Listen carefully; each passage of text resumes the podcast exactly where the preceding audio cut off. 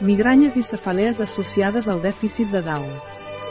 Quan hi ha una deficiència en l'activitat de l'enzim DAO, és comú que els pacients presentin diversos símptomes, encara que no tots són necessaris per fer-ne el diagnòstic. La majoria dels pacients amb baix nivell d'activitat DAO experimenten almenys tres d'aquests símptomes i la migranya és un dels més comuns.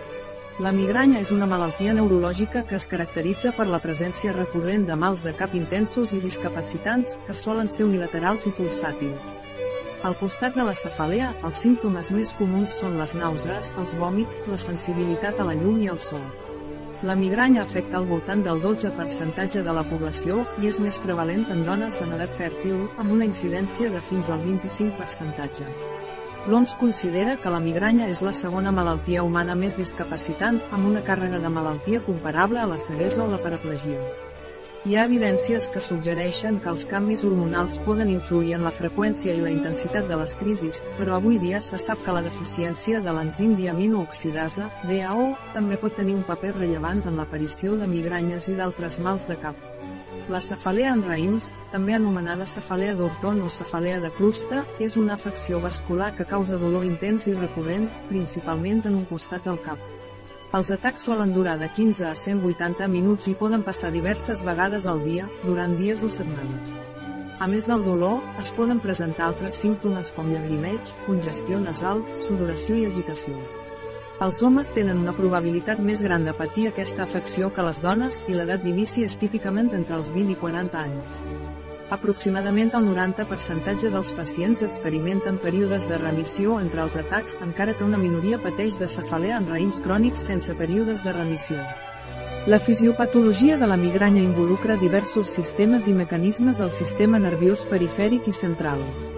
Al sistema trigèmin vascular, els vasos meningis estan envoltats per fibres sensitives que provenen del nervi trigèmin i quan s'activen, generen inflamació meníngia estèril i dolor.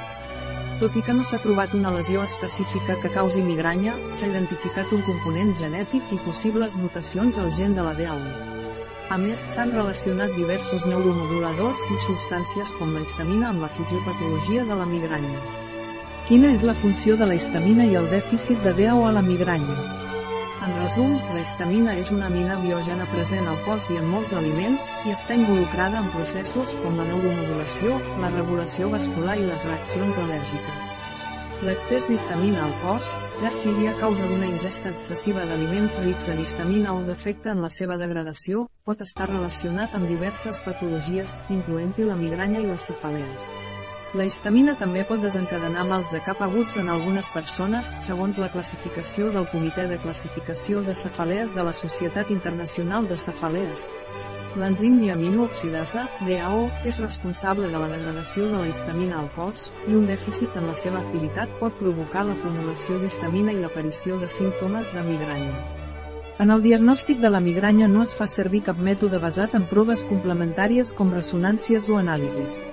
El diagnòstic es fa principalment a través de criteris clínics establerts per la International Headache Society i AQS, els quals són acceptats a nivell mundial per les societats neurològiques.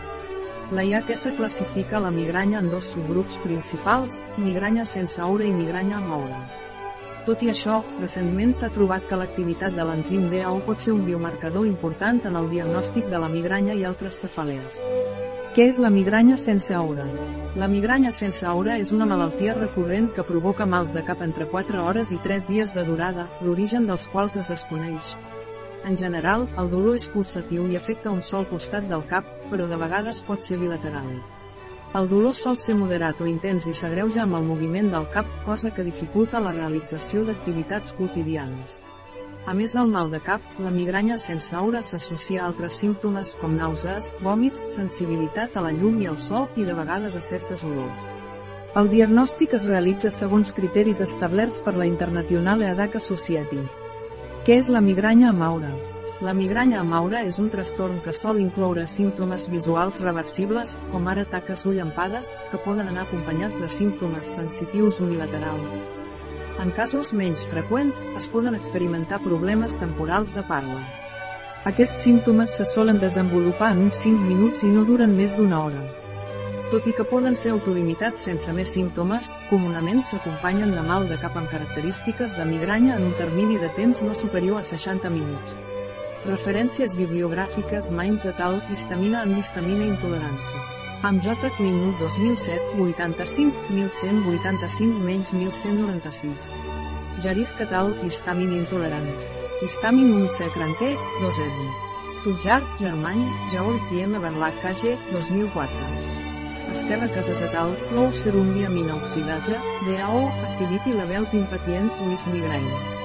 J. Piciol Biuchem 2018, 74, 1, 93 menys 99. Garcia Martín et al, Diamina Oxidasa, 10.156.191 en 2.052.129 variants estan associats amb risc de migració. EADACA 2015, 55, 2, 276 menys 86. A. Duel et al. Low histamina diet suplemented with exogenous diamina oxidasa enzimés utilitzat per a treating migraine in patients with DAO deficient.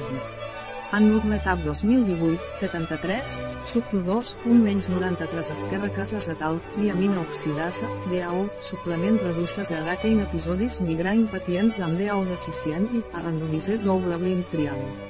Clean 2018 FEB 15, I, S02615614, 18, 30.014 menys un menys de tal, Associació de simple nucleotida polimorfisms in diamina oxidasa genowis diamina oxidasa serum activities. Allargui 2001, 66, 893 menys 902. Steinbrekian Jaris 2005, histamina en Beadaca. Allargologia 28, 85 menys 91. Un article de Catalina Vidal Ramírez, farmacèutica, gerent de Biofarma. La informació presentada en aquest article no substitueix de cap manera l'assessorament d'un metge, qualsevol menció en aquest article d'un producte no representa el suport dels objectius de desenvolupament sostenible a aquest producte.